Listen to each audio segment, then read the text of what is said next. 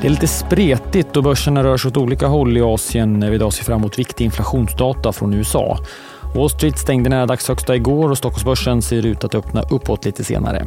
Det är onsdagen den 12 juli. Du lyssnar på det i Morgonkoll och jag heter Alexander Klar. börsen i Asien utvecklas åt olika håll. Det är uppåt bland annat i Hongkong och Sydkorea medan Tokyobörsen backar tillsammans med börserna i Fastlandskina. Från japanskt håll har vi fått lite svagare data än väntat. Maskinorderingången föll oväntat mycket för maj.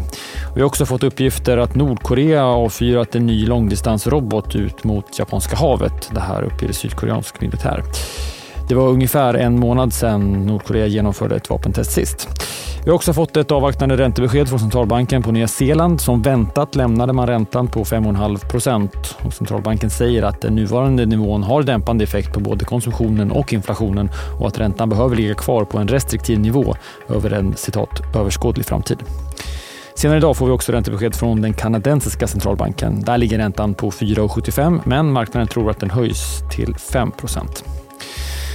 Wall Street hade en bra dag igår och börserna stängde nära dagshögsta. S&P 500 och Nasdaq upp båda dryga halvprocenten. Framförallt var gamingbolag vinnare efter att en domstol gett Microsoft rätt i sina försök att köpa spelbolaget Activision Blizzard. Det är myndigheten Federal Trade Commission som tagit uppköpet till domstol och menar att Microsoft kommer bli en för dominant spelare om köpet går igenom. FTC kan visserligen överklaga beslutet, men det tolkades igår som ett stort kliv framåt för affären och Activisions aktie steg 10% men handlas fortsatt några dollar under budnivån.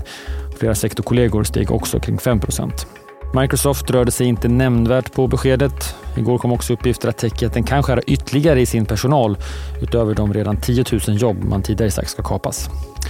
Stort fokus idag på amerikansk inflation som kommer klockan halv tre. Flera skulle säga att det, dagens utfall är den viktigaste siffran för Fed inför deras räntebesked som kommer om knappt två veckor.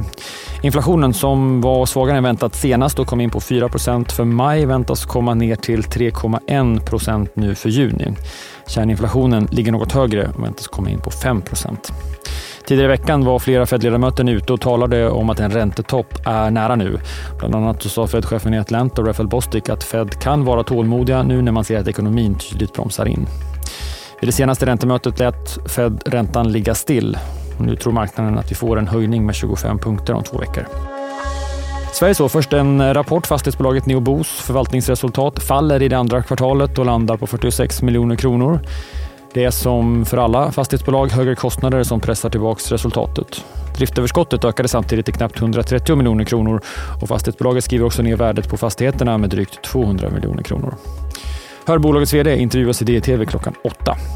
Och klockan åtta kommer också bostadsutvecklaren JM med sin kvartalsrapport. Där kommer en intervju i DTV först klockan halv tolv. På tal om fastigheter så har Fast Partner fått sänkt kreditbetyg av Moody's. Kreditvärderingsföretaget sänker sitt kreditbetyg i två steg på Fast Partner till BA3 från tidigare BA1. Det är bara tre veckor sedan sist som Moody's sänkte Fast Partners betyg. Vi stannar på fastigheter och eh, förvärvsmaskinen Humble som är nära att sälja fler av sina fastigheter som idag används till bland annat produktion. Det rör sig om fastigheter till ett värde av 300 miljoner kronor som Humble tecknat en avsiktsförklaring om att sälja och pengarna man får in ska man använda för att ta ner bolagets skuldsättning. Vi kan också notera att vi fick in en vinstvarning inför den stundande rapportsäsongen. Den kom igår från det lilla it-konsultbolaget Beefree Consulting som sa att deras resultat väntas minska med nästan 40 procent här i det andra kvartalet jämfört med i fjol. Bolaget skyller bland annat på låg debiteringsgrad. Fler nyheter hittar som vanligt på sajten di.se. Missa inte att det Digitals format Mitt i bruset släpper en sommarspecial idag. Den dyker upp på sajten klockan 12, både som tv men också som podd. Ni hittar den på sajten eller i poddspelare.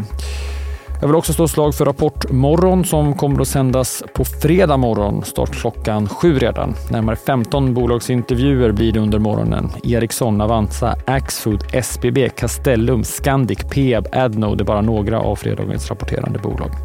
Hela programmet kommer också förresten som en podd senare under dagen. Det är Morgonkoll. Jag är tillbaks igen imorgon. Vi hörs då. Jag heter Alexander Klar.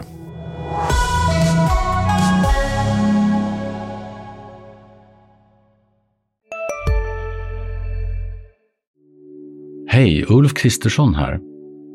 På många sätt är det en mörk tid vi lever i. Men nu tar vi ett stort steg för att göra Sverige till en tryggare och säkrare plats. Sverige är nu medlem i Nato. En för alla, alla för en. Expressen gör varje vecka podden Politikrummet där vi djupdyker i det senaste och viktigaste inom svensk politik. Med mig, Filippa Rogvall, som programledare tillsammans med mina vassa kollegor. Och det är ju ni som heter Thomas Nordenskjöld, Anette Holmqvist och Viktor Bartkron. Politikrummet kommer med ett nytt avsnitt varje tisdag. Vi hörs.